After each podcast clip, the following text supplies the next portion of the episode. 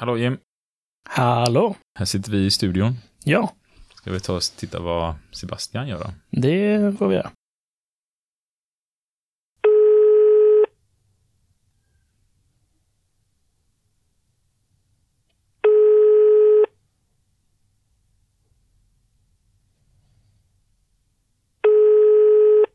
Du har kommit till 07069448 som inte kan ta emot ditt samtal. Nu ringer ni dem. Lämna gärna ett meddelande efter tonen. Hej Sebastian, vi tänkte börja avsnittet med att eh, prata med dig i telefon. Det blir jävligt dålig poddradio så här när du inte svarar. Bedrövligt. Ja, jag vet inte om du kommer lyssna av detta eller om du kommer första gången höra det på någon av eh, ja, de här Spotify, iTunes och där podden finns. Eh, kanske blir en rolig överraskning för dig då i alla fall. Eh, vi drar igång podden utan dig. Tack så länge.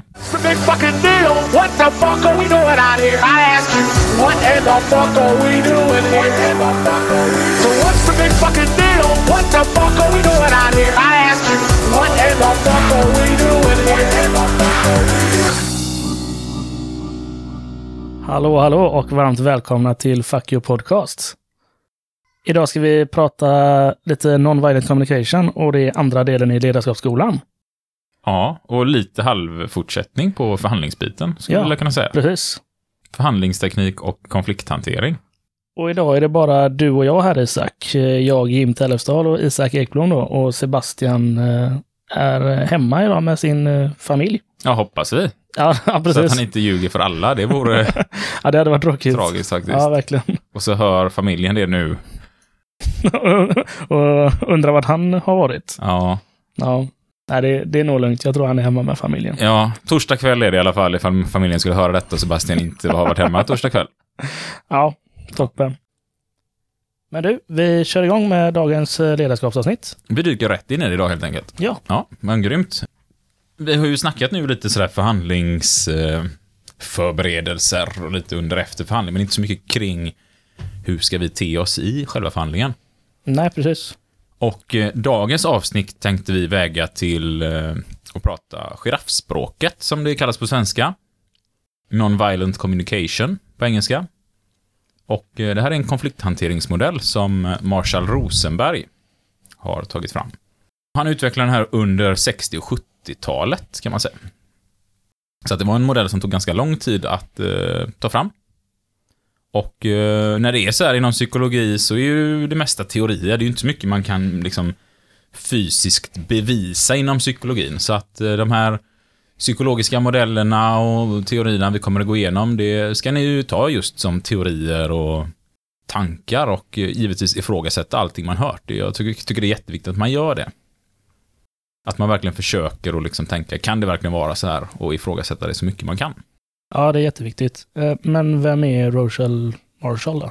Marshall Rosenberg. Ja, så heter han. Ja, det- efternamnet är ju väldigt svårt eh, för oss svenskar att uttala. Eh, Han är ju amerikansk psykolog. Eller var. Han föddes 1934 och gick tyvärr bort 2015. Han har under sitt liv jobbat med konflikthantering större delen. Eh, skrivit böcker på ämnet, eh, faktiskt eh, varit runt och löst stora konflikter runt omkring i världen. Varit ute och stammar runt omkring i världen och ja, jobbat med att lösa stora konflikter mellan stammar och nationer och allt möjligt.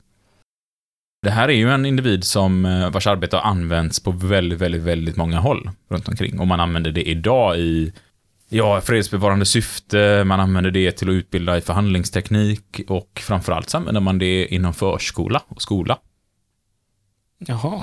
som ett sätt att prata med barn på och ja, stärka dem samtidigt som man löser konflikter och pratar känslor med barn. För att stärka barns självkänsla.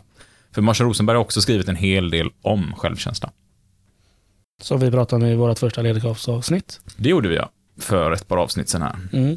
Så vi fortsätter väl lite i det temat här. Och man kan väl säga att den här non-violent communication då, alltså den här konflikthanteringsmodellen han har tagit fram, den bygger på humanistisk psykologi och det är väl egentligen Carl Rogers teorier i grund och botten och eh, socialt kognitiva teorier från O.J. Harvey och eh, existentiella relationsfilosofier från Martin Buber kan man väl säga att det är grundteorierna som han bygger hela den här modellen på. För den som vill läsa vidare detta. Det Ja, kommer vi inte lägga. För, nej, för det låter ju ganska avancerade grejer här, eller hur? Ja, men man kan väl säga att den humanistiska psykologin, det är ju det som vi jobbar med i Sverige. Alltså vi, man tror på att människan faktiskt kan eh, förändras och ja, bearbeta sina egna känslor och komma fram till vad man ska åtgärda. Så det väldigt enkelt förklarat nu. Ja, men då är vi med lite grann i alla fall. Ja, och sen så kanske vi kan hoppa in lite djupare på det där lite längre fram. Men idag tänkte jag att nu kör vi riktig fokus på det här med förhandlingsteknik i konflikthanteringsmodell. För att det här brukar vara något av det som efterfrågas absolut allra mest. När jag håller förhandlarutbildningar så är det så mycket frågor man får kring hur ska jag hantera en sån här situation, en sån här situation, en här situation. Och mitt svar är nästan alltid non-violent communication, eller giraffspråket då.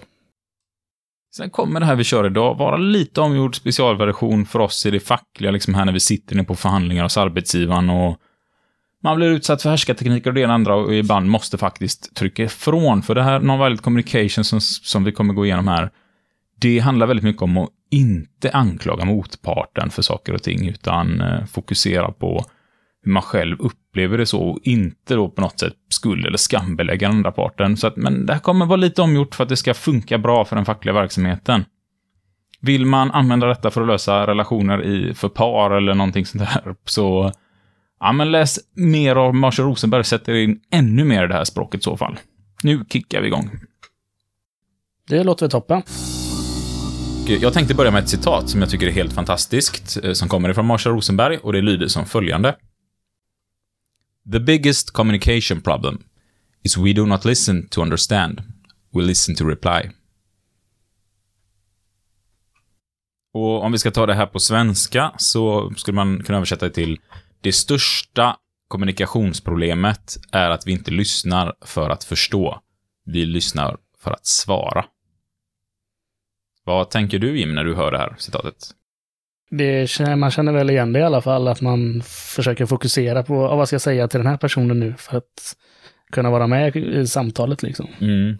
Ja, jag minns, jag tror det var Jack Rolka på Byggnads i Göteborg som höll en eh, utbildning för handledare eh, som jag gick för många år sedan. Då, då sa han till oss att någon hade talat om för honom att eh, lyssnar du nu eller väntar du bara på din tur att tala? Ja, det, det låter väldigt moget när man hör det så. Ja, och jag, jag kände mig Det- väldigt träffad ja, då i alla fall. Ja, det är klart.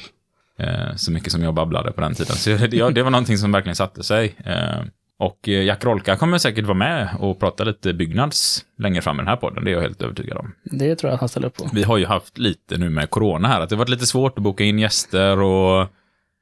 Det har varit väldigt svårt. Det har varit väldigt Ja, svårt. precis. Eh, och även för oss, för vi har inte riktigt kunnat åka runt heller när vi har varit lite sjuka och sådär. Så att, eh, ja, vi får la se om det blir bättre tider med det nu. Men tillbaka till det här citatet då, så att Marshall Rosenberg menar på att eh, det största problemet helt enkelt när man kommunicerar är att man inte lyssnar på den andra parten för att förstå vad den menar, utan man lyssnar för att kunna svara. Och det är ofta där man fastnar. Och jag tänker väldigt ofta på den här ifrån Yrrol. Ja. Ska vi se om, eh, om vi kan klippa in det. Vad fan vill du att jag ska tro då? Jag sa att det var okej! Du lyssnar inte! Du hör inte! Men du lyssnar ju inte! Du hör ingenting! Du lyssnar hör inte! Alltså när man Ja. skämtar om det, det är nästan så illa det kan vara ibland när man ser två parter och man står utifrån och ser två diskutera. Och man bara tänker så här, men herregud, ni skulle höra er själva. Men vi går nog ofta den fällan själva. Det är lätt hänt. Och eh, den här konflikthanteringsmodellen kommer definitivt hjälpa er att bryta ett sånt mönster.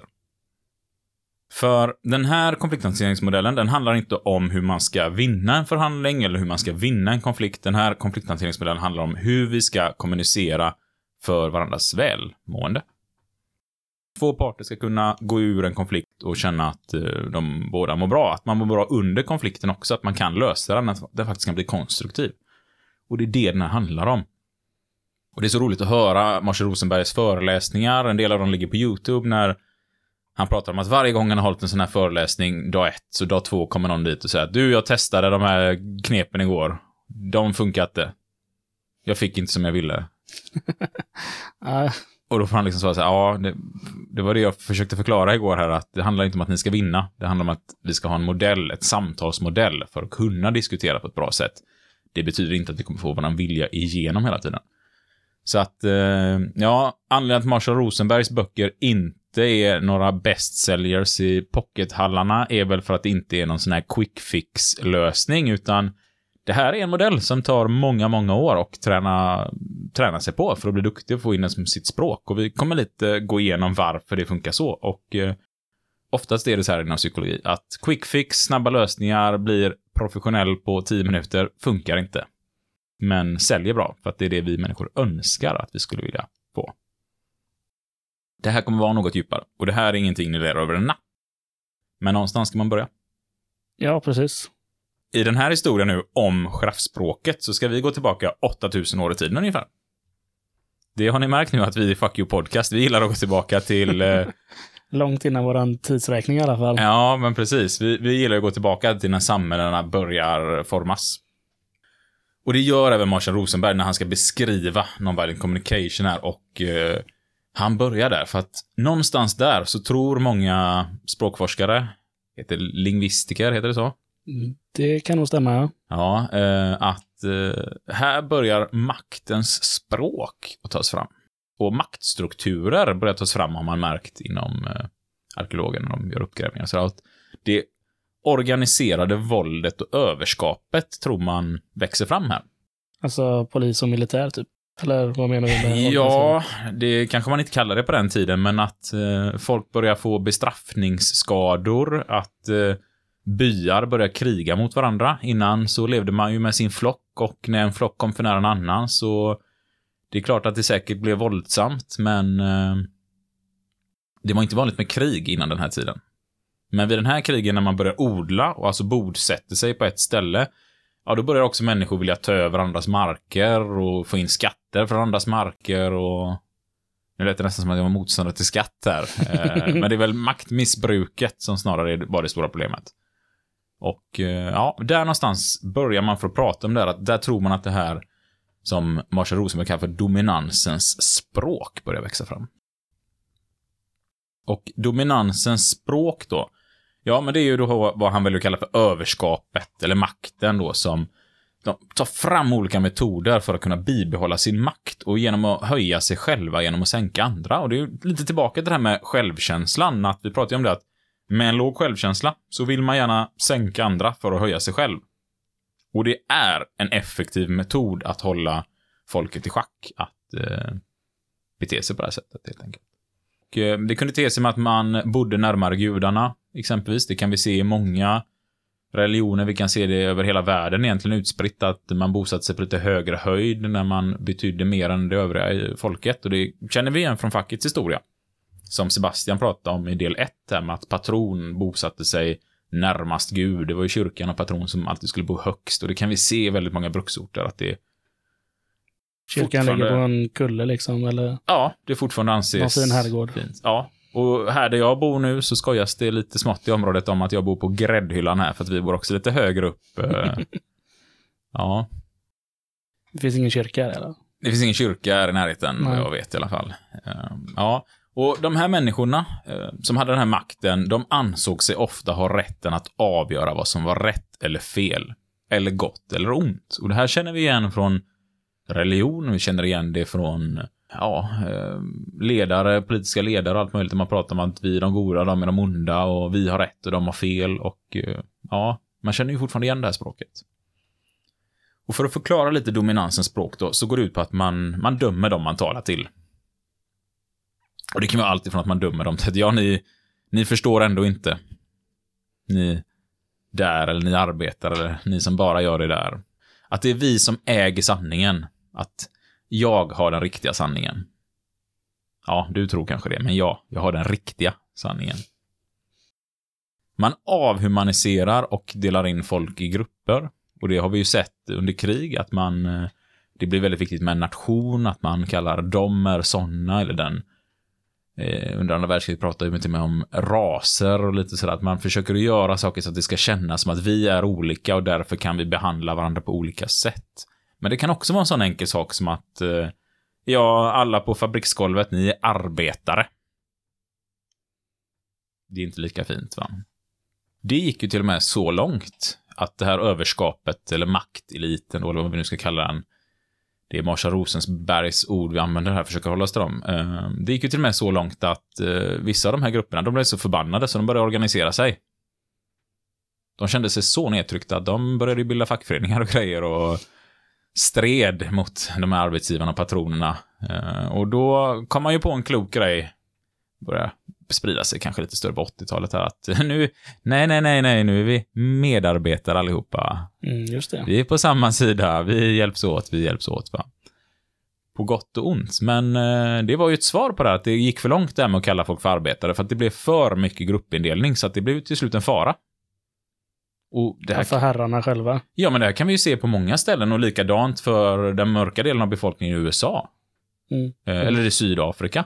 Där man har så förtryckt folk att man, det blir en stark rörelse av det som till slut säger ifrån och säger emot. Och det har ju inte skett utan dödsfall runt omkring i världen. Och idag när vi spelar in så är det 89 år sedan Ådalen. Och för de lyssnarna som inte känner till, Jim, vad var Ådalen? Det var en fredlig demonstration där svensk militär sköt och fem människor dog. Vid, det var demonstration mot lönesänkningar. Uppe i Ådalen då. Ja, precis. Ja. Ehm, ja, så att det här har vi känt igen inom 8000 år då, helt enkelt. Mm.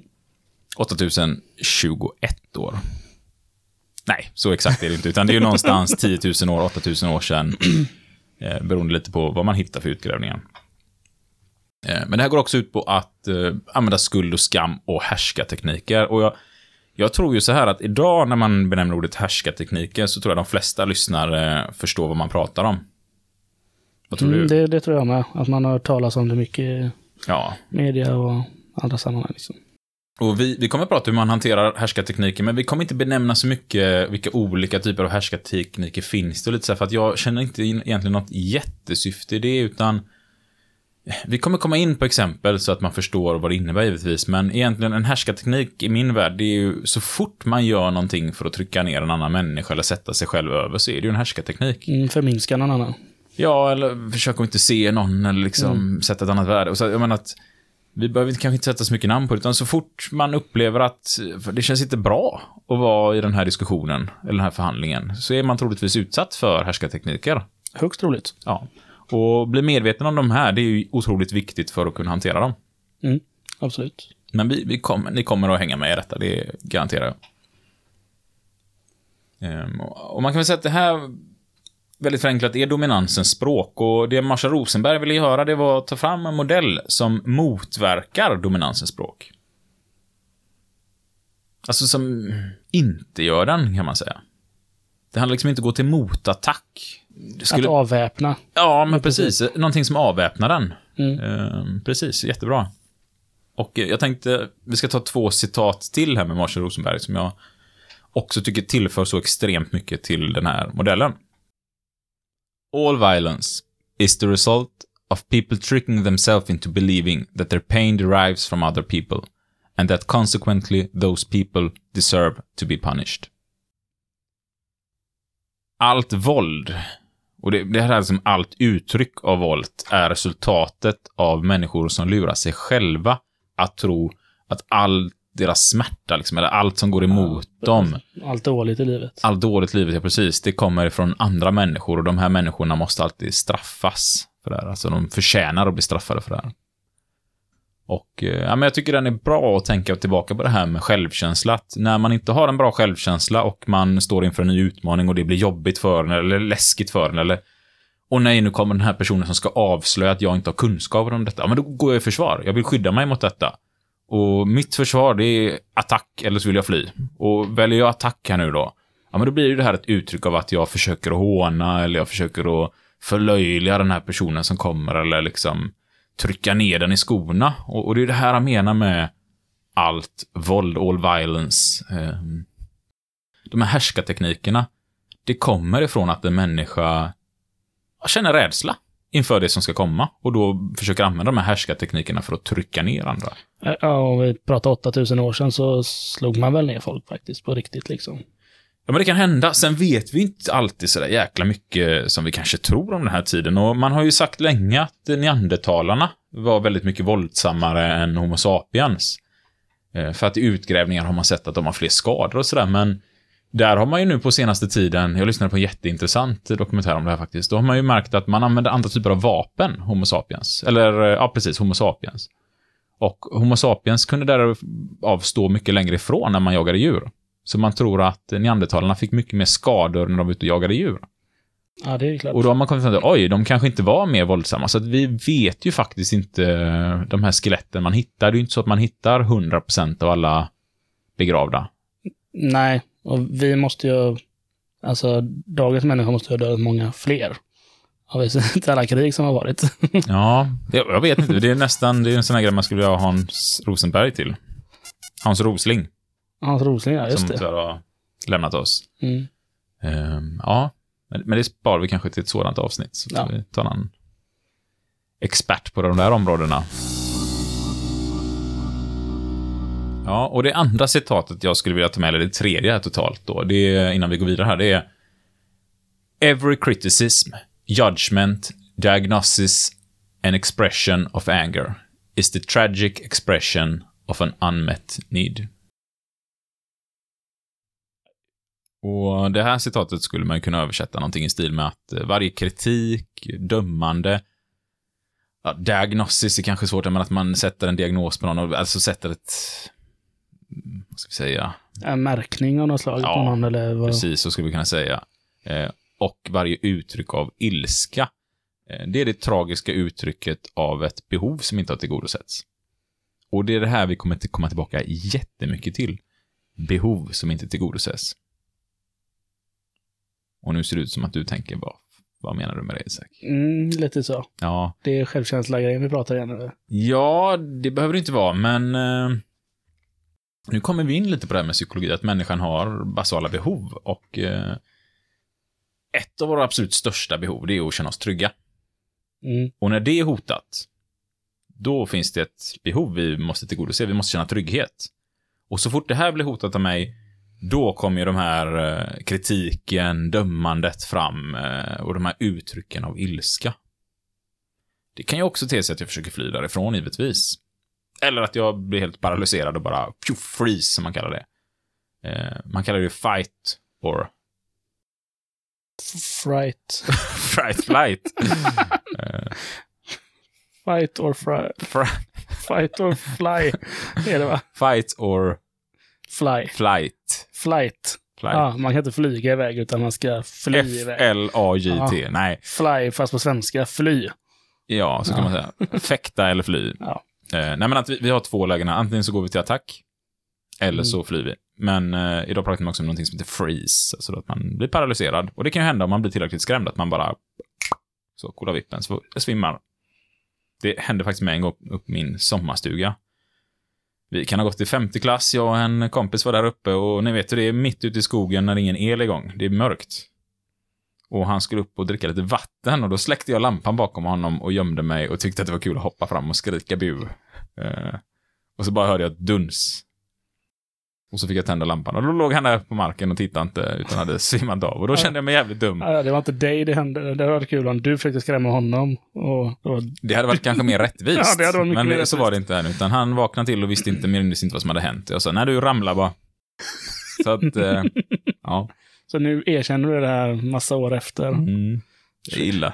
20 år senare. Det är illa, ja. Eh, Men det är preskriberat nu. Nu ska vi inte sväva iväg för långt det i det här, utan... Men tillbaka till det här behovet, alltså att när jag är rädd för någonting eller känner... Jag känner mig inte trygg, alltså någonting inte funkar, då har jag ett behov som jag måste go- tillgodose. Och eh, har jag inte lärt mig att känna av detta och hantera detta, då kommer min... Jag kommer försvara mig själv och bygga upp försvarsmekanismer och det kan vara att jag går till attack mot dig istället. Mm. Och det är det här Marshall Rosenberg menar med det här då, att eh, varje kritik man ger till någon, eh, dömande av någon, eller uttryck av ilska då, eller. Det kommer från det här behovet. Och det är så vi ska försöka tänka på vår, den här personen som vi går in till, som blir förbannad på oss i en konflikt. Att vi ska försöka tänka att, eh, oj, här är det ett behov som inte är tillgodosett. Undrar vad det kan vara. Varför blir den här personen så arg när jag klev in här? Ja, det är svårt att tänka när någon är arg på en. Ja, det här jag Det menar. är väldigt lätt att bli arg tillbaka. Det är ju det. Det här är ju ingen quick fix. För vi är också programmerade likadant. Att när vi möts av en människa som är arg och går till attack mot oss, så kickar ju våran överlevnadsinstinkt in. Och eh, vi ska ju bli rädda för detta. Och när vi blir rädda, eller känner oss otrygga, då svarar vi på samma mynt och går tillbaka det här. Ska vi fäktas eller fly ifrån det här? Och då kanske vi går till attack. Och då står vi där sen och skriker, som i Yrrol-filmen där. Ja, Ja, du lyssnar inte, men du hör ju inte. Och eh, titta här. Hallå Sebastian. Hallå? Hej. Hur är läget? Är det bra? Ja, härligt. Vad gör du då? Uh, spelar du in nu eller? Nej. Varför Ja, frågar du Det det? låter, konstigt. Jaha. Nej, men vi tänkte spela in strax, jag och Jim. Ah, okej. Ja. Ja. Nej, jag är hemma. Precis, nattade min förut när du ringde. Ja, okej. Ursäkta, ursäkta. Vad du? Nej, nej, vi tänkte bara säga hej och höra vad du gjorde. Ja, okej. ja. Ja, men vi spelar in nu. Aha, där fick vi dig! inte alls. Nej, vi är mitt i inspelningen faktiskt. Så att nu är du med i podden. Ja, Mm. Men då var du hemma med familjen i alla fall. Ja. Och det kan ju trygga lyssnarna, för det var en diskussion här i början av avsnittet om du hade ljugit både för oss och din familj och var någon helt annanstans. Men då har vi fått det bekräftat att eh, du är en ärlig människa. men det är inga foton Så jag kan lite väl ljuga för min familj och för... Det var svårt att höra vad du sa där, men vi säger ja, Ja. till dig och så går vi vidare i programmet. Ja, ha det fint. Hej! Ha det gött. Ja, ursäkta för det lilla avbrottet där. Var var vi någonstans? Att uh, Yrrol-filmen, där man står och skriker. Sen kommer nog lite längre kanske, men Ja, men man kommer in i det, ja. För att eh, den här försvarsmekanismen i oss själva kickar igång när någon går i attack mot oss. Och det är här jag menar att den här är ingen quick fix. Ni kommer inte höra om giraffspråket idag och imorgon kommer ni gå in och kunna hantera vilken konflikt hur enkelt som helst. Utan det här är träning. oh ja, verkligen. Och för att ni ska börja träna på det, då behöver vi ju börja komma in här på det här eh, giraffspråket först. Mm. Men innan vi går in helt och hållet på giraffspråket. Och nu undrar alla, varför kallas det giraffspråket? Ja, det, Det har vi helt Nej, det har vi inte berättat för dem. Det har vi inte gjort. Nej, men anledningen är helt enkelt som så att när Marshall Rosenberg föreläste om giraffspråket så hade han två stycken handdockor. Den ena som var vargen och den andra giraffen då. För att symbolisera de här två olika språken och man kan väl säga att tolkningarna kring varför just en giraff, det är ju flera stycken. Bland annat att giraffen har ett stort hjärta. Giraffen ser saker från ett uppifrån perspektiv. Den stannar upp, reflekterar och sådär. Den kan se långt fram. Eh, och den har också en lång hals som den sticker ut och därmed visar sig sårbar. Medan vargen, den är ju lite mer sådär attack och går lätt i försvar och känner sig ofta nedtryckt och då vill den trycka tillbaka. Så att eh, därifrån kommer det och egentligen så är det då en schakal, men på svenska översätter vi det här till varg istället, för att de flesta hade nog undrat vad en schakal är. Nu tar vi en liten halvtrudelutt och eh, så ska jag faktiskt göra en sån här liten eh, grej som tv-kockarna gör när man klipper. Mm. För jag ska gå och natta min son nu. Ja. Så att eh, för er kommer det vara två, tre sekunder. För mig har det varit en två timmars lång nattning i värsta fall. Vi ses om två sekunder. Det gör vi.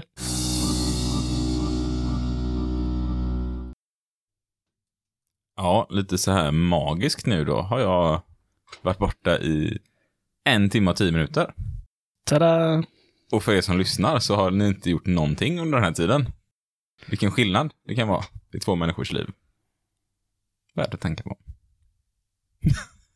nu lät det nästan så nedvärdera dig som lyssnar. Och du har inte gjort någonting. det kanske du har. Du kanske gjort precis räddat ett människoliv. Ja, precis. Och då är det ju helt plötsligt jag som knappt gjort någonting. Nej, jag har fått ett barn att somna. Mm. Mm. På en timme och tio minuter. Det är inte så magiskt. Det är kanske, kanske jag som står i dåliga dagar.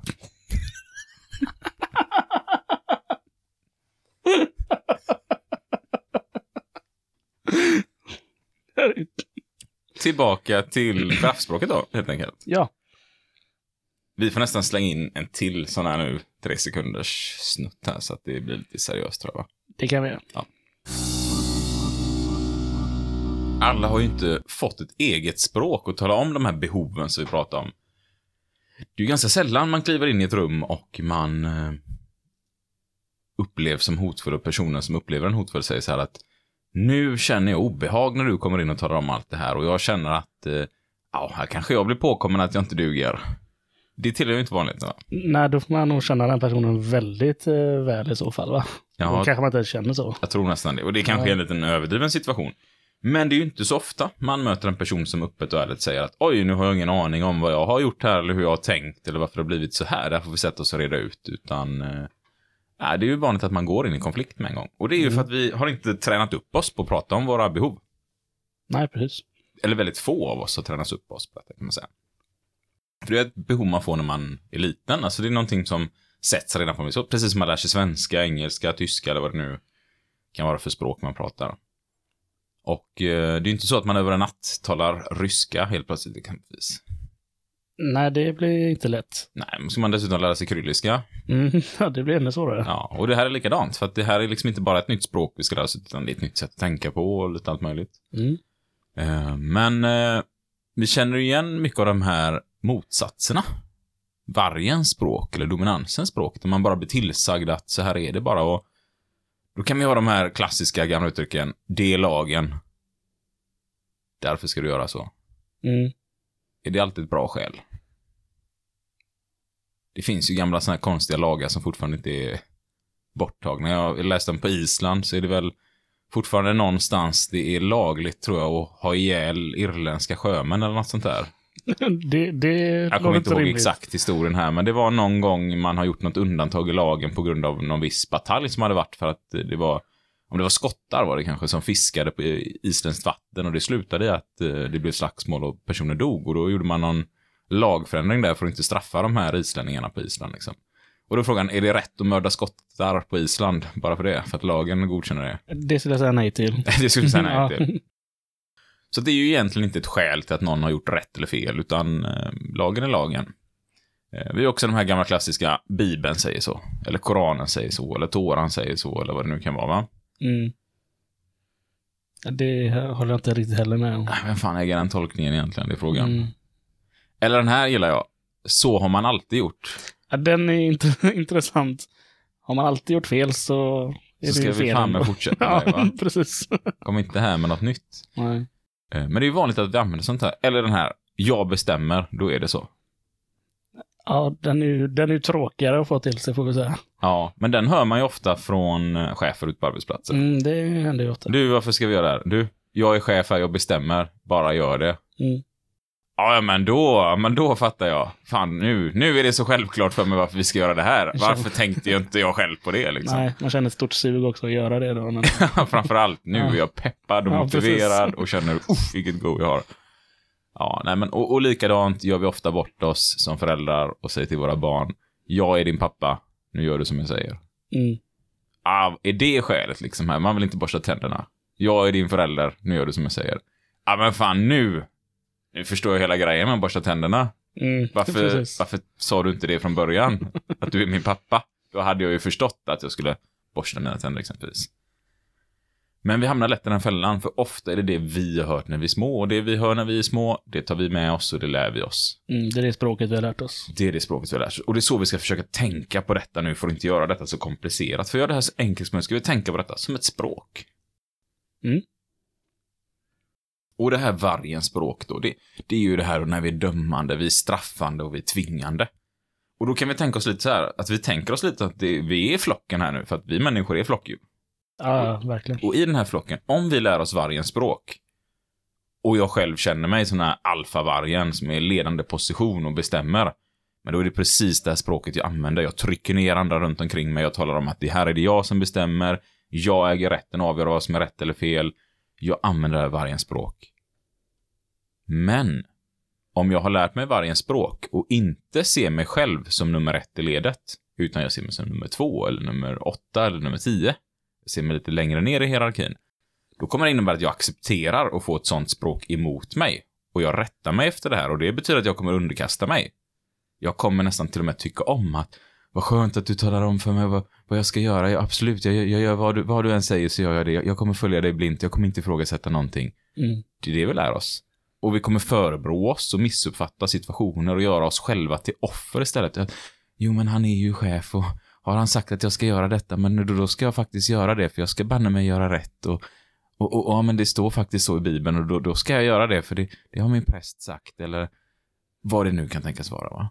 Utan istället lägga en värdering i, ja, den här prästen, vad hade han för baktanke med detta? Hur har han tolkat Bibeln? Kan man tolka den på olika sätt? Eller, eller min chef, är det så klokt utifrån de här grejerna? Hur påverkar det min omgivning eller samhället? Eh, vi, vi, vi tänker inte ens på det, utan vi bara gör som vi blir tillsagda. För det är precis där, när våra föräldrar har sagt till oss att eh, jag är din farsa, nu bara gör du så här. Då accepterar vi det. Ja, jag har lärt mig att det är så systemet fungerar. När någon står över mig i rang, då gör jag som den personen säger och jag ifrågasätter inte. Jag försöker inte på något sätt att påverka beslutet, utan jag är bara tyst, lyder och gör oavsett vad som kommer hända. Mm. Och det är om man bara kan varje språk då? Och det här är om man bara kan varje språk. Och de flesta av oss får ändå med sig någon form av sundare tänk ifrån skola, våra föräldrar eller personer i vår närhet. Eh, En person formas ju inte bara av sina föräldrar. Utan man formas dels av de personer som tar hand om en när man är liten. Man kommer formas av förskolan, man kommer formas av skolan, vänner runt omkring och man kommer definitivt att formas av samhällets förväntningar runt omkring en. Hur eh, samhällsbilden ser ut av hur man ska vara, hur man ska bete sig, vad som förväntas av kulturen där man bor och lite sådär. Eh, och det är därför vi kan se att kulturer kan så starkt påverka hur människor beter sig. Och det här med de här stereotyper och ibland när man driver och skämtar om olika folkslag eller man skämtar om olika byar eller stadsdelar, smålänningar är snåla och sådär liksom att att det kan, en sån stereotyp kan till och med påverka hur vi tycker att ja, men det här är en del av min identitet. Så, här ska så att det är väldigt mycket som påverkar oss. Så att de flesta får med sig både positivt och negativt. Så är det. Så är det. Det lät lite ignorant att säga det. Det var vargens språk. Mm. Sån här typisk, eh, till och med här nu när jag försöker prata om någonting annat så kommer det fram. Så är det. Tala om er nu. Ja. Eh, istället för att ni ska få tänka själva så ska jag tala om för er. Och jag sitter tyst här och underkastad. och bara underkasta det och acceptera. Men vargens språk då, vanligt att höra där, det är det här med att min sanning är hela sanningen. Och det här att alla andra måste komma överens med mig. Det är aldrig jag som är problemet, utan varför Alla är ni alltid så Ja, bråkiga? Varför ska ni aldrig kunna komma överens med oss? Eller varför kan du aldrig komma överens med mig? Mm. Är det något du känner igen? Det har man ju hört några gånger. Ja. Visst är det så va? Och, och man tror att alla andra ser och förstår vad man gör. Om jag gör någonting, eh, flyttar på något, jag råkar stänga en dörr framför någon, så förväntar jag mig att ja, du såg väl att jag hade händerna fulla eller att jag var stressad till mötet och drog igen dörren framför näsan på dig för att jag inte hade tid. Mm. Det måste du väl ha förstått? Mycket antagande där. Mycket antagande. Att man tror att alla andra förstår precis vad man själv gör. Och om någon då reagerar konstigt emot det, eller liksom så här, hallå, vad fan är det med dig? Varför stängde du dörren? Och varför är du uppkäftig? Du såg att jag var stressad. Mm. Ifrågasätter du mig? Du såg ju att jag var stressad, va? Ah, hur fan ska någon annan se det? Det kanske går ibland, men det är inte alltid man kan ha koll på det. Man, man utgår också mycket från att alla andras erfarenheter som inte stämmer överens med mina egna erfarenheter, de är ogiltiga. De gills liksom inte. Ja, så tycker du ja, men så är det inte. Mm. Ja, men det där kan du ju sitta och säga, men det vet vi alla att så är det inte. Det, de förhandlingarna är ju inte så roliga när man sitter där. Nej, de känner man igen också. Ord står mot ord och så har den ena personen att "Ja, men ditt ord det gäller ju inte ändå. Nej, Nej. Ja, men vad konstruktiv den här förhandlingen kommer att bli, va? Det, väldigt bra. man känner ju nästan direkt när man kliver in i rummet att det här blir meningslöst om vi inte kan bryta det här språket. Mm.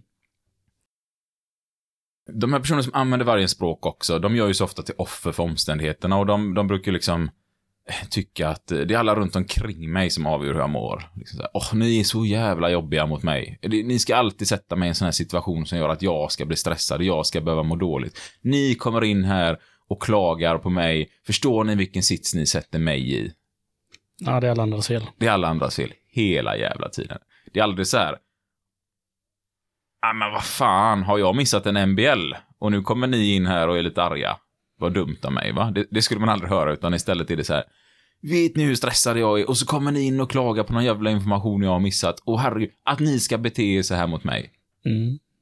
Och man har liksom ingen förståelse här att den fackliga representanten har precis blivit utskälld av sina medlemmar för att de undrar vad fan har ni gått med på det här för? Ja, men vi, vi har inte gått med på något, det har inte varit någon förhandling va? Och så kliver man upp för att kanske fråga vad, vad är det som har hänt här? Och istället är det man själv som är problemet när man kliver upp. Det här är ju klassiskt sånt här vargens språk. Och givetvis är det ju då också alla andras fel att det blir som det blir. Det är ju aldrig ens eget fel. Nej, självklart. Nej. Och det, Donald Trump är ju en fantastisk sån här vargens språk. Vi pratade ju om han i förra ledarskapsavsnittet. Ja, precis. Och han är så himla fantastisk individ att ha med när man pratar ledarskap. För det är liksom bara att plocka ut alla de här negativa grejerna som vi, i alla fall i Skandinavien, ofta framhäver som positivt ledarskap. Eh, och- Mm. Och i honom hittar vi mycket om motsatserna. Ja, och så har han en position där. En hög position Ja, också, absolut. Och det, och det är ju bara att titta på Donald Trump, att det är alltid alla andras fel. Och är det han som har tagit ett dåligt beslut så är det ju på grund av någon av hans rådgivare har gjort fel. Mm. Och då ska ju den få kicken. Ja, det är. Och det är helt, helt, Han, oj, oj, oj. han har bytt ut ett par stycken. Ja. Det är helt otroligt. Men där har ni ett bra vargens språk. Ja, det, och det kan man ju höra ganska ofta på nyheterna också, eller vad som sägs ifrån honom. Och nu hoppar vi in på giraffens språk. Nu, nu ska vi komma in på det här språket då som Arsen Rosenberg så länge jobbade med att ta fram och försöka hitta modeller för att förklara för andra. Hur ska vi kunna jobba med konflikthantering? Hur ska vi kunna kliva in i ett rum och bryta det här mönstret? Bara ta bort de här härskarteknikerna. De funkar inte här mot mig. Det är ingen idé. Vi släpper undan allt sånt nu och så börjar vi prata tillsammans. Vi försöker lösa den här konflikten tillsammans. Och vi kallar det här giraffens språk nu då. Och det handlar i första hand om att alltid visa ärlighet och mod och visa sig som man är. Och det här kan låta kanske banalt eller löjligt, men det handlar om att man faktiskt är ärlig hela tiden och mod och talar om när saker och ting stör en eller är jobbiga eller irriterar en när man upplever man får en härskarteknik emot sig exempelvis. Man kliver in där i rummet och eh, personen talar om att så här är det, det här är den riktiga sanningen. Liksom. Att man talar om det, att ja, det är din uppfattning av sanningen och jag har en annan uppfattning av sanningen. Och då står vi här och olika typer av uppfattning av vad som har hänt. Mm. Det var övertydlig liksom. Ja, och när man utsätts för en härskarteknik, när någon säger ja men lilla vännen. Mm. Att man faktiskt talar om det att när du säger lilla vännen till mig, så känns det som att du försöker trycka ner mig i skorna, att det är någon form av teknik som du använder för att jag ska må sämre eller inte känna mig bekväm i den här situationen. Det känns inte särskilt trevligt för mig. Ska vi sitta här och kommunicera så, så kan jag inte höra massa sånt. Och för de allra flesta individer, så bara man har sagt det, så blir det ju det är ytterst få individer som säger så här, ja, det var en härskarteknik för att trycka ner dig i skorna. Utan det normala är att en person säger nej, nej, nej, nej, nej, oj, förlåt, absolut inte var det något sånt jag menar, nej, nej, nej, nej, nej. Och redan där börjar man bryta de här härskartekniksmönstren. Så mycket handlar om att bara tala om hur man upplever det.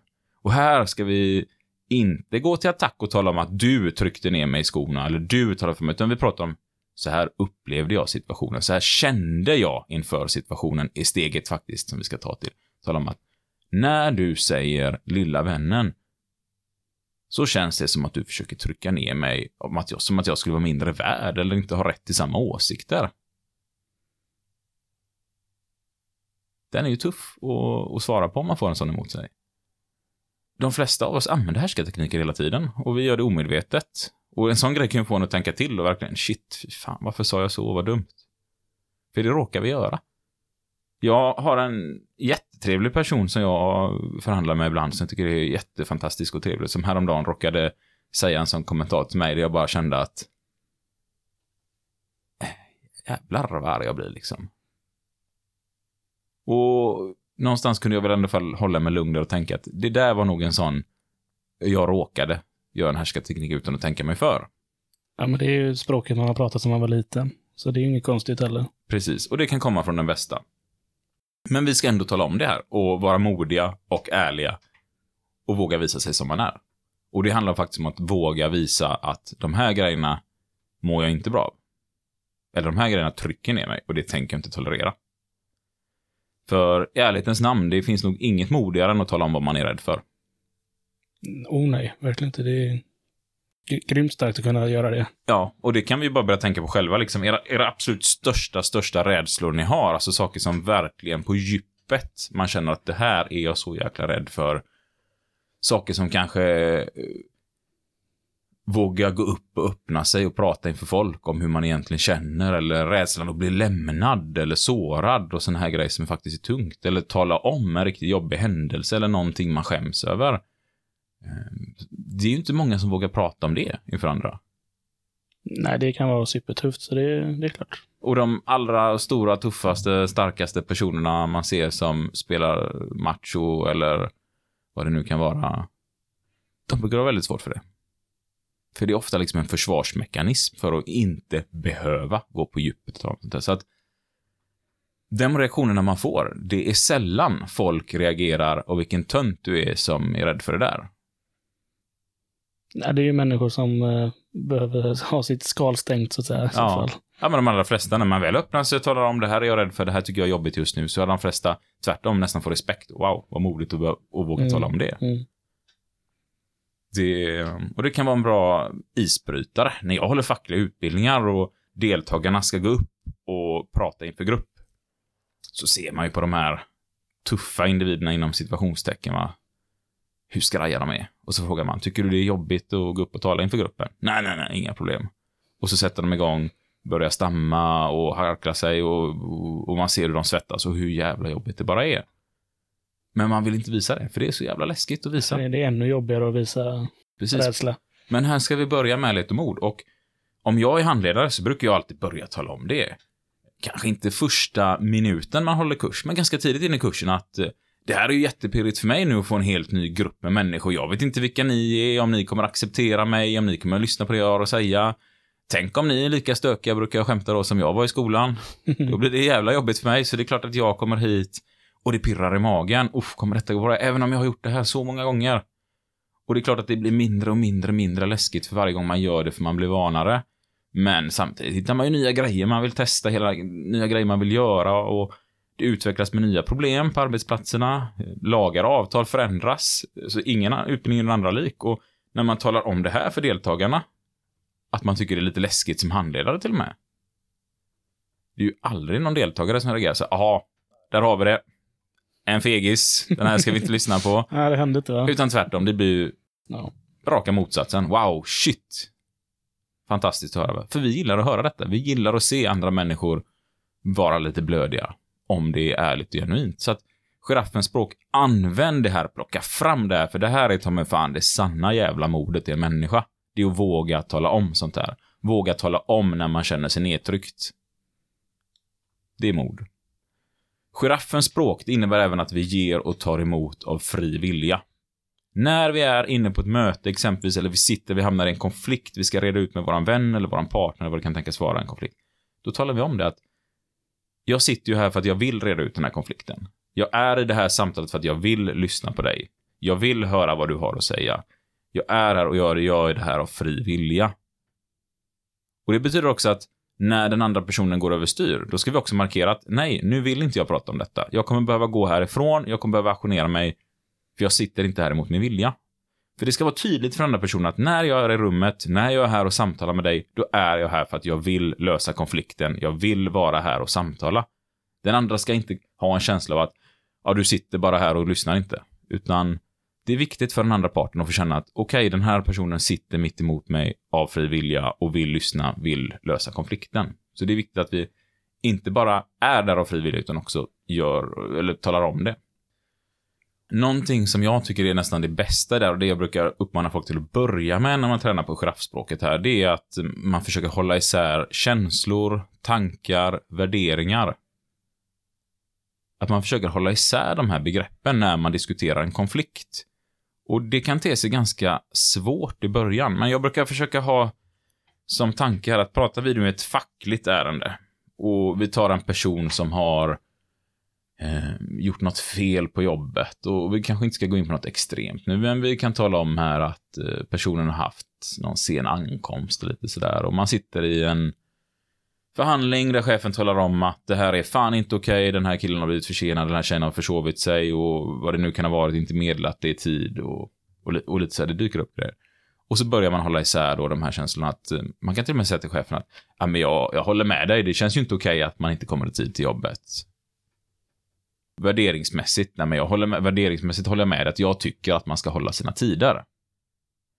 Juridiskt så är ju inte tre sena ankomster skälig grund till att få sparken från företaget.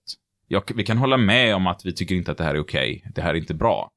Men juridiskt kommer inte detta hålla till att eh, ge personen sparken, utan lagen säger ju som så att vi ska först höra med individen vad är det som har hänt. Finns det något skäl till de här sena ankomsterna?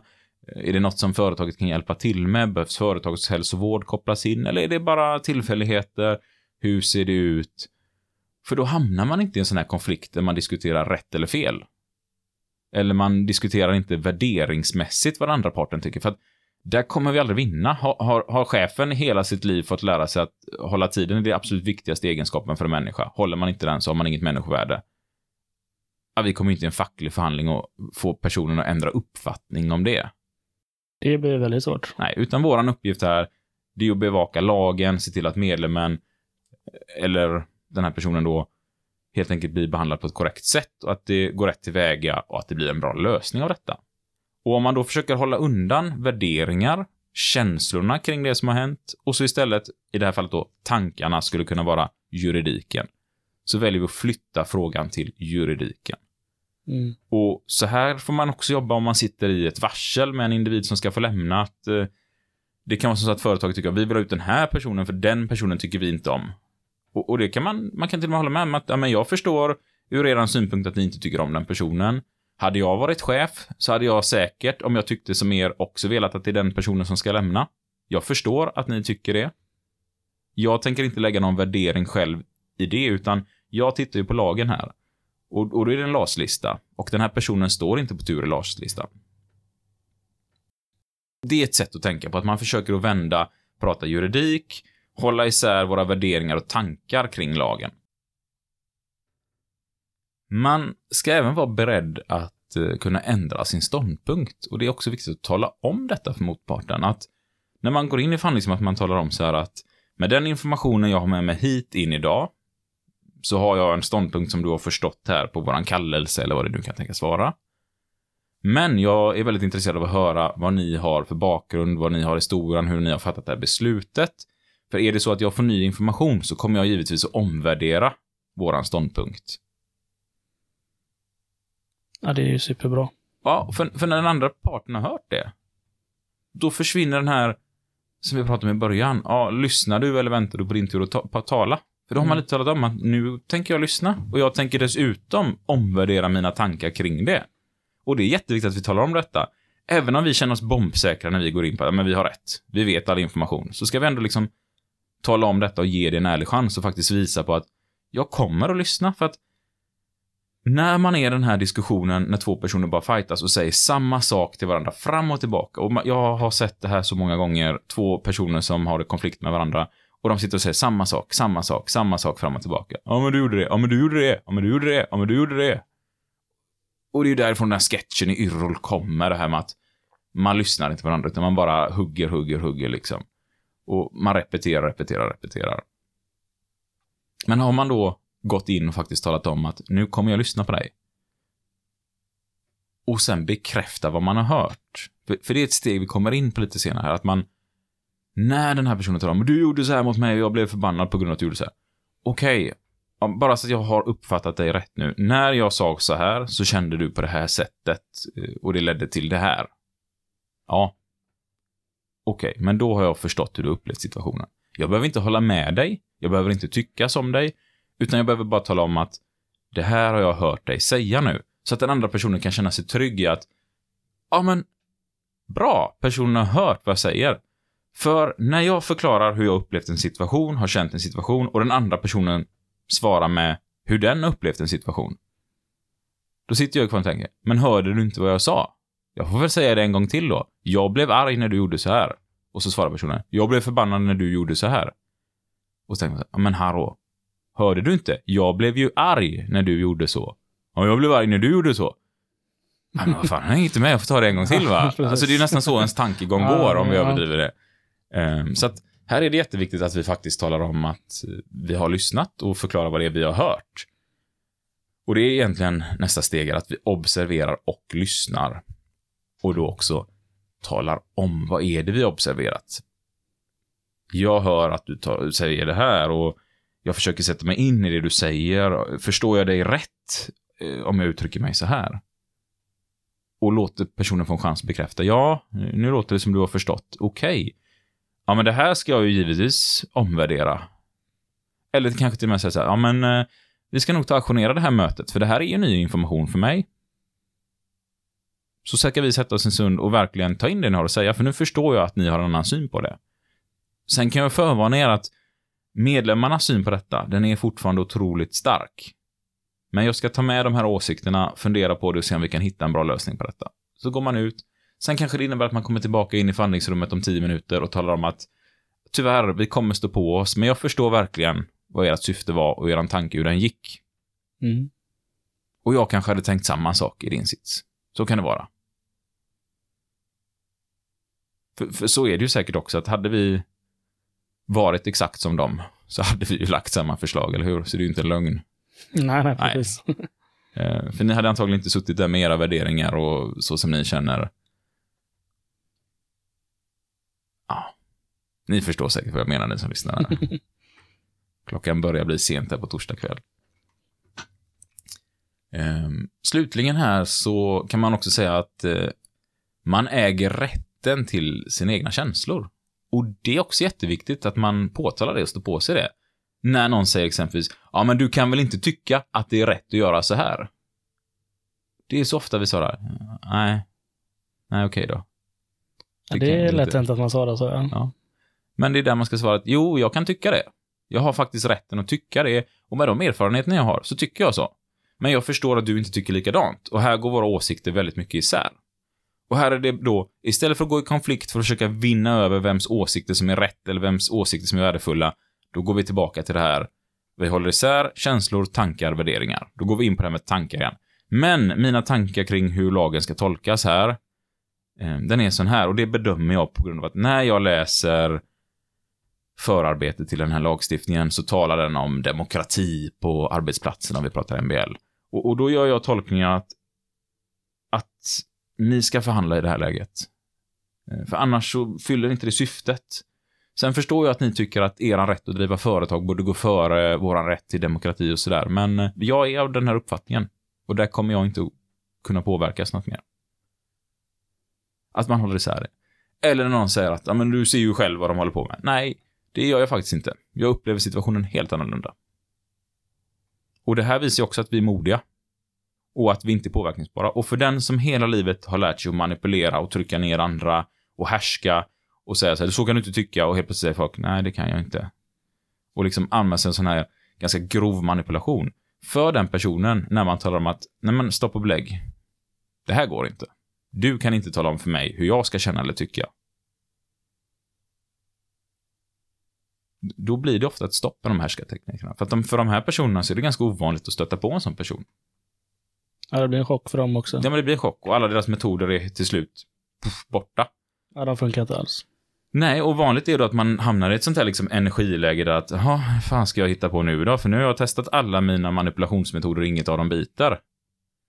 Och i det läget så är det väldigt viktigt att vi inte, aha, nu fick jag dig din jävel och så ska jag trycka ner dig tillbaka, va? För den fällan går Nej, också det är många det sämsta man kan göra i det här fallet. För då kommer en revansch och så har ni en boxningsmatch fram och tillbaka där ni knockas i omgångar. Och det är inte det som är meningen, utan när vi har kommit till det här läget, då ska vi ta mig fan vara lika respektfulla som våran tanke från första början var att vi vill upplevas, eller få emot oss, att vi så här tänker jag, så här tycker jag.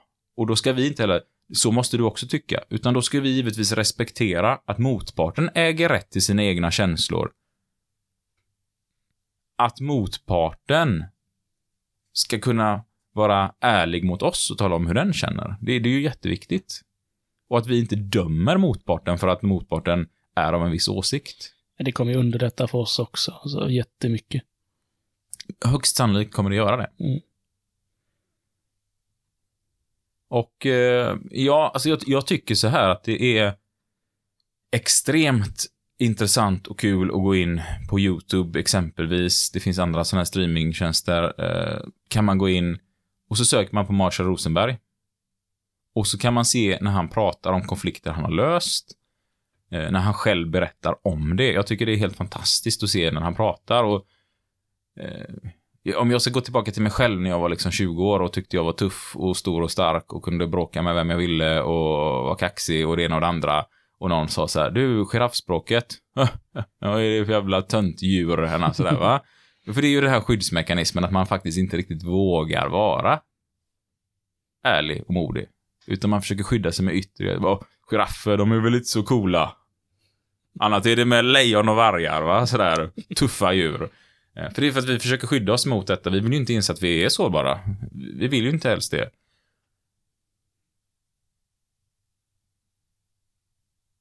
Och hur kom jag in här nu? Nu lurar jag in mig själv någonstans jag inte vet vart jag var på väg riktigt. Jag glömde. Jag glömde. Jag, jag vet inte heller vart du är på väg. Kan du inte läsa mina tankar, Jim? Nej, jag är jätteledsen. Din jävel. Ja. ja. Det är fan att du ska sätta mig i de här situationerna hela tiden. Ja. Ja, Där kom, nu kom vargspråket tillbaka. Eh, nej, jag förstår att du inte kan veta var jag var på väg. Och uppenbarligen vet jag inte det själv heller. Nej. Men eh, ibland är det positivt att man kan sväva iväg. Ibland blir det så här. Ibland blir det så här. Ja, det är inget att bli arg över. Nej. Eh, jo, men jag tänkte så här. Då hade jag antagligen tyckt att de här klippen på Bo- Rosenberg hade varit lite kanske väl psykologiska. Han pratar lite väl så här lugnt och hur känner du inför det här? Ehm, hur tänker du när jag säger på det här viset? Så hade jag reagerat när jag var 20 år och eh, jag kommer ihåg när min eh, nuvarande fru introducerade mig till de eh, här det här språket, giraffspråket. Jag tänkte, men herregud vad löjligt detta är. Men varje gång hon och jag bråkade, eller vi bråkade ju inte, men varje gång jag skulle försöka bråka med henne, så använde hon det här språket mot mig, va? Och jag kom där och henne så här och, och så, Oj, är du så arg över det här? Ja, ja det är jag. Och du är arg på mig på grund av att det här har hänt? Nej, det kan jag ju inte vara. Det är ju inte ditt fel egentligen. Nej, men vad bra. Men du kom här och skällde på mig precis, så att jag trodde att det var mig du var arg på.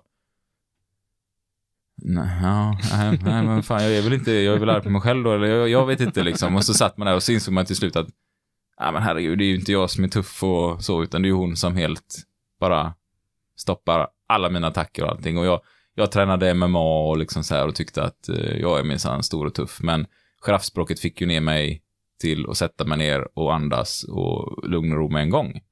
Eh, på bara liksom en sån här liten... Jag vet inte om det hördes i micken här, men en, eh, vad säger man, fingerknäpp. Mm. Ja. Eh, knäpp med fingret, kanske man säga. Ja, spelar nog ingen roll. Och det var ju så effektivt. Och jag började ju förstå att, nej, men herregud, det här är ju bra. Och jag märkte ju, ju längre vi inte hade konflikter, utan ju längre jag insåg att gud vad jag blir arg på saker som inte är någon annans fel än mitt, mitt eget. Eh, eller, ja, nu blev jag arg på Linnea för att det var hennes fel, men varför ska jag bli arg på henne på det? Hon har inte gjort det med mening. Eh, och när jag började inse det så, så började jag ju förstå att, ja, men shit, det här språket är ju så fantastiskt. Eh, Men gå gärna in och titta på de här klippen han berättar kring detta. Jag, jag tänkte vi ska dra ett litet exempel från en av de här historierna han har på Facebook, eller på YouTube. Eh, De är ju på engelska allihopa, men eh, han pratar en ganska bra enkel engelska att förstå, tycker jag. Väldigt pedagogisk som person. Men det här exemplet är från eh, norra Nigeria, där han är ute och Han förhandlar väl också, eller? ja, nu ska jag säga, ja, mellan två stammar helt enkelt. Och den ena sidan här, den är kristen, den andra är muslimsk. Och det är Bibeln mot Koranen som upplevs vara konflikten här i det här området. Och första frågan man kan ställa sig då är, vem har rätt, vem har fel? Behöver någon ha rätt eller fel här då? Absolut inte. Alltså, för att en konflikt ska lösas så behöver man ju oftast inte avse vem som har rätt eller fel. Och många gånger så är det inte en eller två personer som har rätt eller fel, utan båda kanske har fel eller båda kanske har rätt. Det beror på om man är optimist eller pessimist. Ja. Ehm, och det är precis det han vill komma till Marshall Rosenberg här. Ja, alltså deras, vad, vad, vad blir deras behov? Exakt. Det är ju där. Där har vi det. Du, du har lyssnat på podden här då, i alla fall. Ja, jag har ju också gått kurs med dig Ja, jag tidigare. hoppas kurs med. Eh, och det har satt sig lite grann då. Ja, lite i alla fall. Ja. Eh, vad är deras behov? Det är ju det vi ska fokusera på som vi pratade om från början här. Istället för att komma in till en person som är arg, tänka varför är du arg på mig? Tänka vad kan det här behovet vara? Och eh, när man då pratade med den kristna stammen så talade de om att ja, men de är mördare. Och muslimerna sa här att eh, de här människorna har dominerat oss i över 80 år. Och då kan vi börja reflektera lite. Okej, den kristna stammen ansåg att muslimerna var mördare. Vad kan vara behovet för de människorna då? Ja, troligtvis så känner de väl rädsla. Ja, det låter ju högst troligt. Och vad vill man bli när man är rädd? Trygg. Trygghet, va? Så det är trygghet vi ska fokusera på. Okej, ni behöver trygghet. Det är det vi ska fokusera. Sen kan ni tänka er själva, när ni går in till en arg chef som skriker på er och tycker ni är dumma i huvudet och ni säger så här, jaha, jag ser att du behöver trygghet. Ja, det är inte rätt sätt att kommunicera på kanske är för bästa utgången, utan... eh, Och det är det här jag menar med finessen, att det krävs ju träning på att få in det här på ett vettigt sätt. Framförallt brukar jag uppmana folk när de har gått en kurs hos mig och vi har pratat, kanske en del av detta har varit det här, en del är lite annat, vi pratar retorik. Att gå inte in helt plötsligt, från att ni alltid har gått in och gapat och skrikit, så går ni in direkt efter en kurs, ni har varit på förhandlingskurs, och så går ni in med en gång och säger så här, jag upplever att du har ett behov som inte tillgodoses. Då kommer de ju fråga, vad är det för jävla kurs du har varit på, va? Mm. Så att börja med små saker och då kanske man ska börja med det här med att hålla isär. Okej, jag förstår att ni anser att de är mördare. Eh, om, jag bara tänker lite brett där.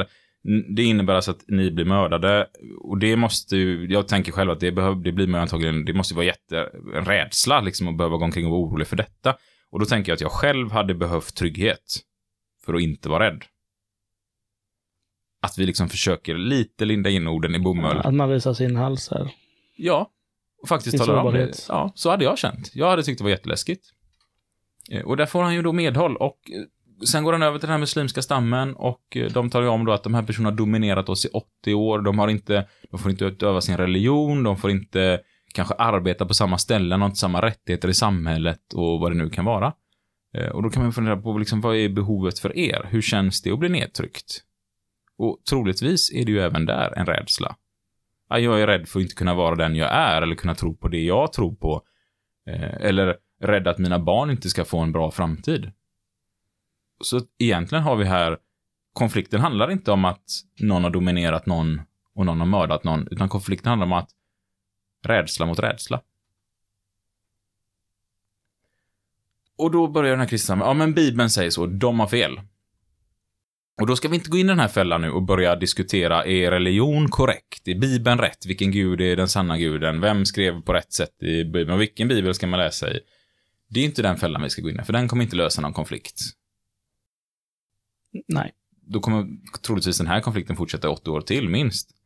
Utan vi försöker att släppa där och istället fokusera att hur svårt det än kan vara, så ska vi försöka fokusera på behovet och tala om det här behovet. Den här kommunikationen han pratar om här går i princip att Marshall Rosenberg talar om att den andra stammen här, de har ett behov av att känna sig trygga. Hör även ni det här behovet? Varpå den andra stamledaren svarar då, varför dödar de då mina söner? Hur svårt det än är så vill jag att vi bara fokuserar på behovet nu, att ni talar om att ni har hört vilket behov som den här stammen har.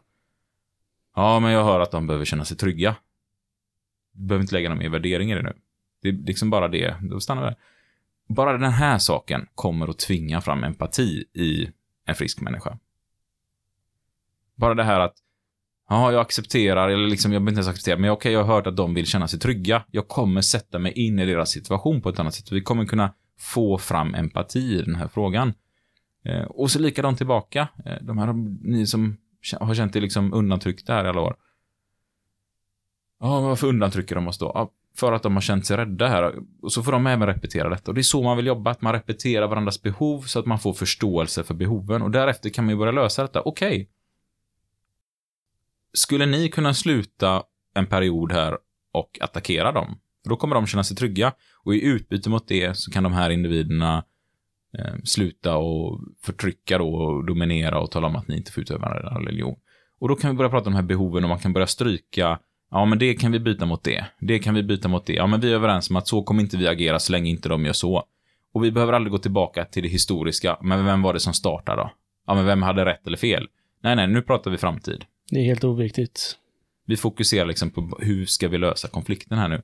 Och hela tiden håll isär där. Ja, ni har rätt att tycka att ni har rätt. Och ni har rätt att tycka att ni har rätt. Och vi behöver inte tycka att en part har rätt för att lösa konflikten, utan konflikten kan vi lösa ändå. Oftast, säger jag nu då. Det finns ju säkert konflikter som man kanske inte kommer kunna lösa med den metoden, men i de allra flesta konflikter kan man komma väldigt, väldigt långt i detta. Och lite som Marshall Rosenberg pratar om här, att den här konflikthanteringsmodellen handlar ju om hur man ska samtala på ett bra sätt. Den handlar inte om hur du vinner det hela. Nej, precis. Och eh, i det här fallet då så får ingen rätt eller fel, utan istället så lyfter man båda parternas behov och låter båda parterna se varandras behov, känna empati för varandras behov.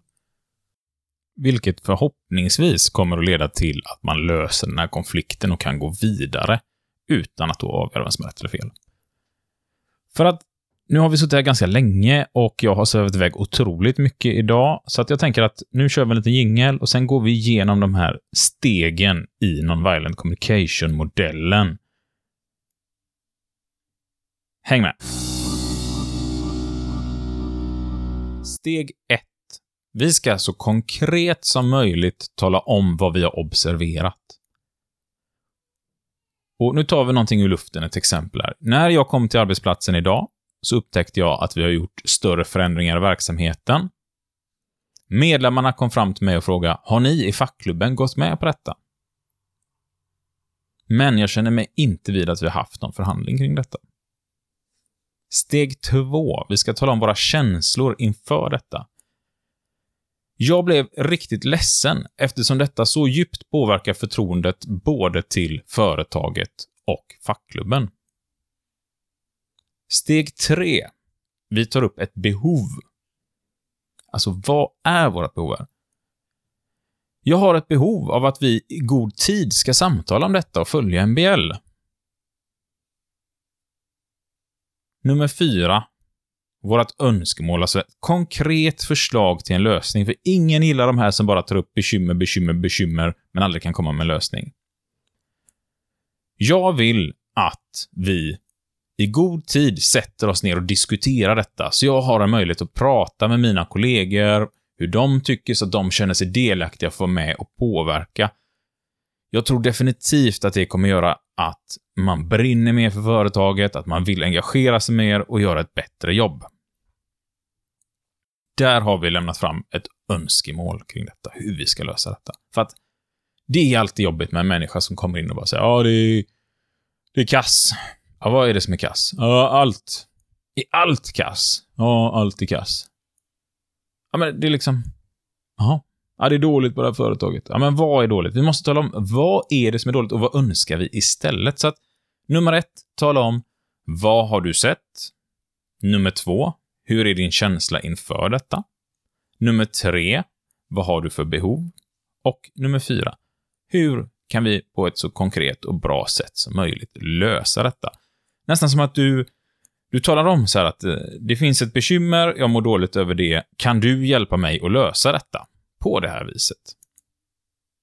Det är själva grunden i non-violent communication och lite som vi har pratat om det här avsnittet nu, så vi har fått ändra om rätt mycket där för att det ska funka i förhandlingar, för det är inte alltid man kan gå in och tala om att ja, jag är ledsen att eh, fackklubben inte, ja, vi får ingen respekt och sådär, utan ibland får vi ju anpassa oss efter rådande situation och sådär, men grunden i det här är så bra att använda. Så man börjar någonstans. Och det här avsnittet nu så har vi gått in lite på hur du kan börja med giraffspråket. Sen tycker jag att ni ska verkligen läsa vidare detta för att det finns så mycket mer och så mycket djupare i detta. För att det vi egentligen vill är att vi vill ständigt undvika att sätta den vi pratar med i försvarsposition. Människor hamnar så otroligt lätt i försvar. Vi vill inte heller att motparten ska känna sig ifrågasatt, exempelvis va, varför gjorde du så? Varför har du gjort så här? För det är ju då människor blir rädda, känner sig tillbakatryckta och när vi blir det, tillbaka till det här läget, fight or flight. Då går de till attack tillbaka och vi kommer ingenstans, det blir låsta positioner. Och jag tycker det här är otroligt bra också när man sitter och ska lösa konflikter mellan två kollegor eller mellan en chef och en kollega. att faktiskt försöka gå tillbaka detta, att försöka komma in på det här med berätta hur kände du när detta hände? Hur kände du när du hör detta? Hur tänker du kring de här tankarna då? Hur hade ni önskat er en relation? Och försöka komma till den här knuten. Oftast, oftast, oftast när det är konflikt mellan en chef och en anställd så är det på grund av att chefen är rädd för någonting. Det, det, och det kan vara en sån enkel sak som att, jag har till och med varit med om det själv, att man sitter i en sån här konfliktförhandling, eller vad vi ska samtal, vad vi ska kalla det, där chefen helt plötsligt, liksom, det kommer fram till slut. Efter långa diskussioner man har använt non-violent communication. Jag känner att de inte tror att jag är en bra chef, för jag kan inte styra den här individen. Oj, ja men det låter ju jättejobbigt att du, du är liksom, du har en rädsla här för att du inte får tillräckligt med respekt från övriga kollegor när den här personen inte gör som du säger. Och när man har kommit dit, då brukar det släppa från båda håll. Då helt plötsligt sitter en medlem där som, oj, shit, chefen är rädd för mig. Jag trodde att chefen har hatat mig och varit arg på mig. Är det så här det? Och då brukar man verkligen kunna hitta en lösning på de här konflikterna. Många gånger så är de här individerna sen jättebra och funkar hur bra som helst ihop. Men vi måste komma dit så att vi får tvinga fram lite empati. Lättare sagt än gjort. Det är ju så. När vi själva blir stressade så tappar vi också detta. Ehm, Giraffspråket, jag försöker använda det så mycket som möjligt med mina egna barn. Att när jag ser att eh, pojken har gjort någonting hemma här, eh, målat på bordet exempelvis, eh, så kan jag berätta här att oj, nu kommer jag här och så ser jag att det är färg på bordet. Och då blir pappa lite ledsen eftersom det här bordet har ju mamma byggt och, och jag tycker om det så himla mycket. Kom in på det här med behovet. Jag har ett behov. Och det är att vi försöker skydda bordet med någonting när vi ska måla med pennor. Och det är det konkreta önskemål också. Där. Det går lite ihop där. Men den dagen när han håller på att springa mot ett stup så får jag ju panik. Eh, shit, jag måste stoppa där. Och då kommer ju det här språket vi har i oss fram. Vargspråket. Det kommer ju med en gång. Riktigt så, som ett puff. Kommer det. Ö, stanna! Och så skriker vi. Och då får man helt enkelt sen när man har skrikit ta ner det på lugnt. Ja, berätta vad som hände. Nej, jag såg dig springa mot stupet. Det är det som har hänt. Vi skuldbelägger inte. Vi talar inte om att du din spring inte mot det där stupet, utan när jag såg dig springa mot stupet, då blev jag rädd. Jag blev så rädd att du skulle ramla ner. In på behov, önskemål. Jag har ett behov av att känna mig trygg att du inte ska bli skadad. Jag önskar att vi inte springer mot det här stupet mer, utan att vi håller oss där borta. Och då också tala om, det var fel av mig att ställa mig och skrika på dig, men jag kände mig så rädd att jag var tvungen att få ett stopp på det med en gång. Men det var dumt av mig att skrika. Förhoppningsvis så går barnet ifrån den här situationen och känner att oj, det här blev inte bra, så här ska vi göra i framtiden. Istället för att känna oj, vad dåligt barn jag är, som gjorde fel mot mina föräldrar. För då är vi tillbaka på det här med självkänslan, att det här är ett sätt att prata med folk. Inte skuldbelägga dem, skambelägga dem. För i barnets värld så var väl detta något fantastiskt. Och så får vi försöka tänka också när vi sitter med chefer på ett företag att det fanns säkert en riktigt bra tanke med vissa av de här förslagen att snabbt göra en förändring. Jag tror ju inte att det sitter massa chefer och tänker att nu ska vi göra allt för att jävlas med de anställda, liksom. Utan man kommer på en idé så tänker man kanske inte på att oj, det fanns två sidor av myntet här. Jag vet, jag, vet, jag hörde en historia en gång från en stor, stor industri där man byggde om en hel bana efter vänsterhand. Alltså att man var vänsterhänt. Och det var säkert jättebra tänkt allting, men det blev ju fel när man inte lyssnade av personalen. Insåg att det jobbar inte en enda vänsterhänt här, förutom den här chefen då, som hade gjort om banan. Och det skapade ju problem då när folk skulle göra alla de här momenten på en utsatt tid och inte hann med detta. Men tanken var säkert inte dumt att få till det lite bättre, effektivisera och sådär. Det fanns säkert inte en dum tanke från början. Och då vill vi inte skuldbelägga den här chefen det första vi gör, utan istället hitta en lösning på den här konflikten. Och då blir det troligtvis lite roligare för den här chefen nästa gång och kalla på en MBL-förhandling i tid och låta er vara med och påverka, så som lagen är och den svenska modellen är uppbyggd på och hela den svenska framgången.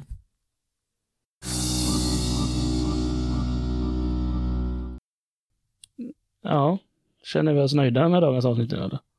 Ja, jag tror det.